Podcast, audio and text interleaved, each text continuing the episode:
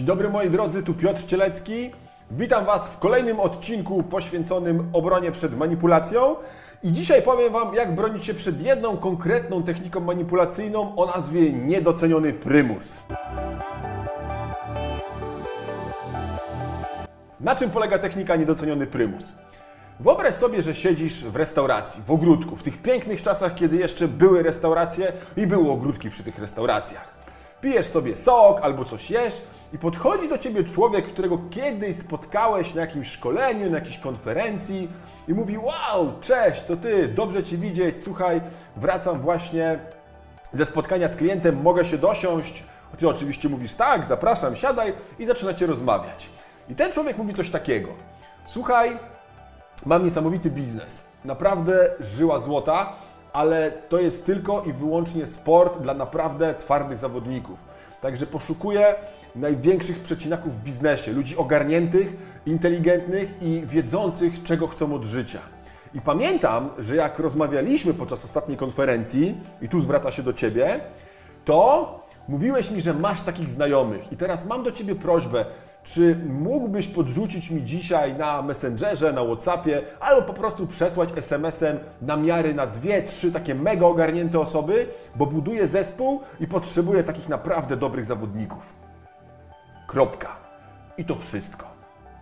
I teraz istnieje ogromne prawdopodobieństwo, że po takiej akcji powstanie w Twojej głowie pytanie: hmm, dlaczego do jasnej cholery nie zaproponował tego interesu mnie? Powiedział, że potrzebuje ambitnych, zgadza się. Przecinaków, zgadza się. Inteligentnych, no o mnie. I wiedzących, czego chcą od życia. Wszystko się zgadza, wszystko to moje cechy, a jednak z jakiegoś powodu nie wziął mnie pod uwagę. I w tej technice chodzi o to, żeby wzbudzić w tobie poczucie gorszości, poczucie tego, że nie jesteś, przynajmniej w oczach tego człowieka, wystarczająco dobry. Chodzi właśnie o to, żebyś poczuł się jak taki niedoceniony prymus, którego pani nie pogłaskała po główce i nie powiedziała bardzo pięknie Mateuszku, bardzo pięknie Kasiu, ślicznie odrobiłaś pracę domową, pani jest z ciebie dumna. I teraz w skrajnych sytuacjach może być tak, że ty sam żeby poczuć się lepiej, zadzwonisz do tego człowieka jeszcze dzisiaj wieczorem i powiesz: Słuchaj, e, a tak pomyślałem, że ja w sumie akurat mam trochę czasu, to może mnie byś widział w swoim zespole, bo chętnie bym do niego wystartował. I to jest Mistrzostwo Świata, zwróć uwagę, bo proces sprzedaży odwrócony jest o 180 stopni. To nie on sprzedaje Tobie wizję tego, dlaczego miałbyś dołączyć do jego zespołu, tylko Ty sam dzwonisz i wręcz prosisz go o to, żeby on Cię do tego zespołu przyjął. To jest skrajna sytuacja.